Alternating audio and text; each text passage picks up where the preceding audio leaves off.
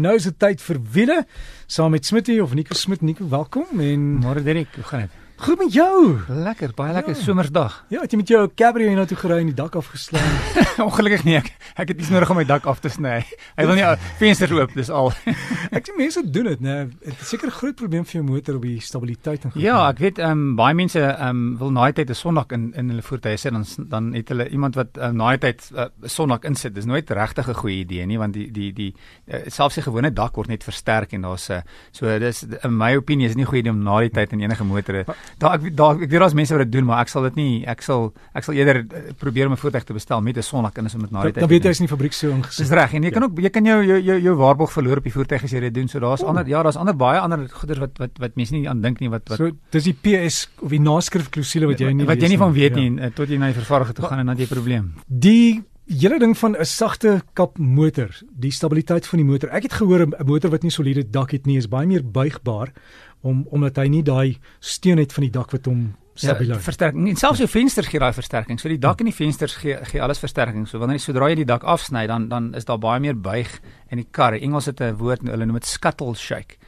So, wat gebeur is veral as jy as jy uh, oor 'n sypaadjie ry wat wat nie reguit is nie, dan dan beweeg die voorkant en die agterkant so die die kar buig 'n bietjie net uh, uh, affekteer ook die hantering van die kar wanneer die wanneer die raam van die kar kan buig. So wat baie vervaardigers doen, uh, baie maal is aan die onderkant is daar 'n uh, 'n kruisversterking uh, om dit te keer. Baie maal waar jy sit, waar s- die voorste sitplekke onder vasmaak, daar word die raam ook die of die die raam van die kar, ehm um, die chassis soos hulle in Engels sê, word ook daar versterk. So daar's baie maal redelike versterking nodig vir al as jy 'n uh, 'n viersitplek kar het. As jy 'n viersitplek kar het, dan is daar baie meer uh, gedeelte wat wat nie wat nie versterk word deur die dak nie. So dan die die buig is baie meer. So daar's baie meer ehm um, uh, versterking in die kar nodig om om om hom sterker te maak vir dit.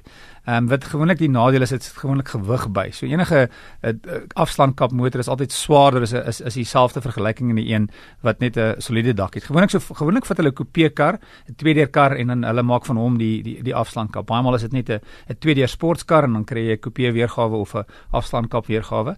En dan die materiaal is gewoonlik um, vroeër was dit vinyl wat so plas, plastiek was wat nie nie goed in, in, in oor 'n lang tydperk wat het dit nie baie goed gehou in die son nie. Ek onthou jy kon baie maal die selfs agter was dit was dit was plastiek nie glas nie. So dit het baie maal gekraak.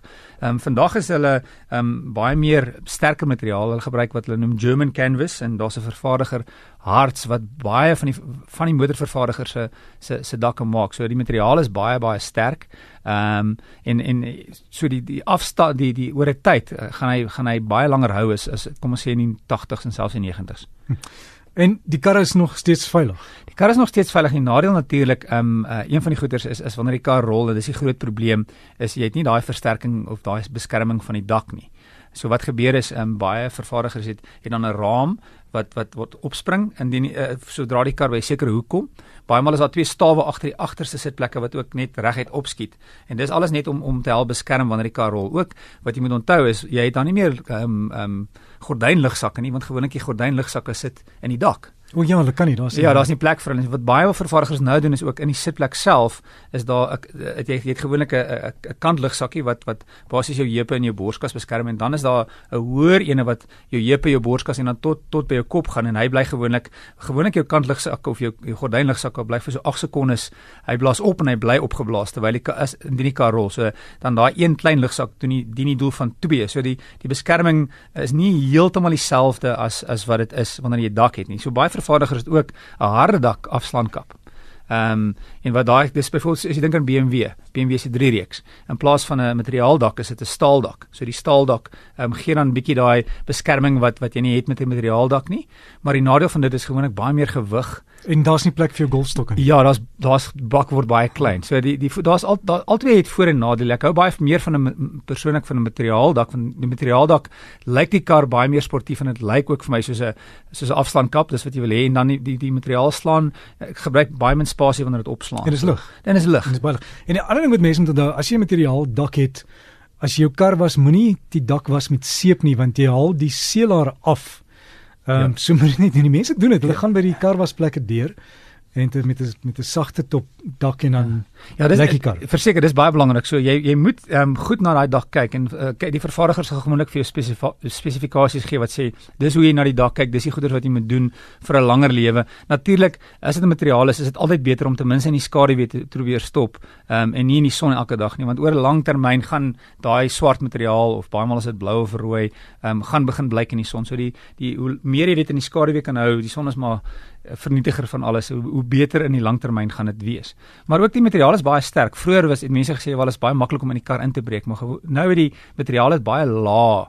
So dit is baie moeilik om, om net 'n mes te vat en en en en die materiaal te sly. Is nog steeds makliker om as as mense in die kar wil inbreek net 'n venster te breek.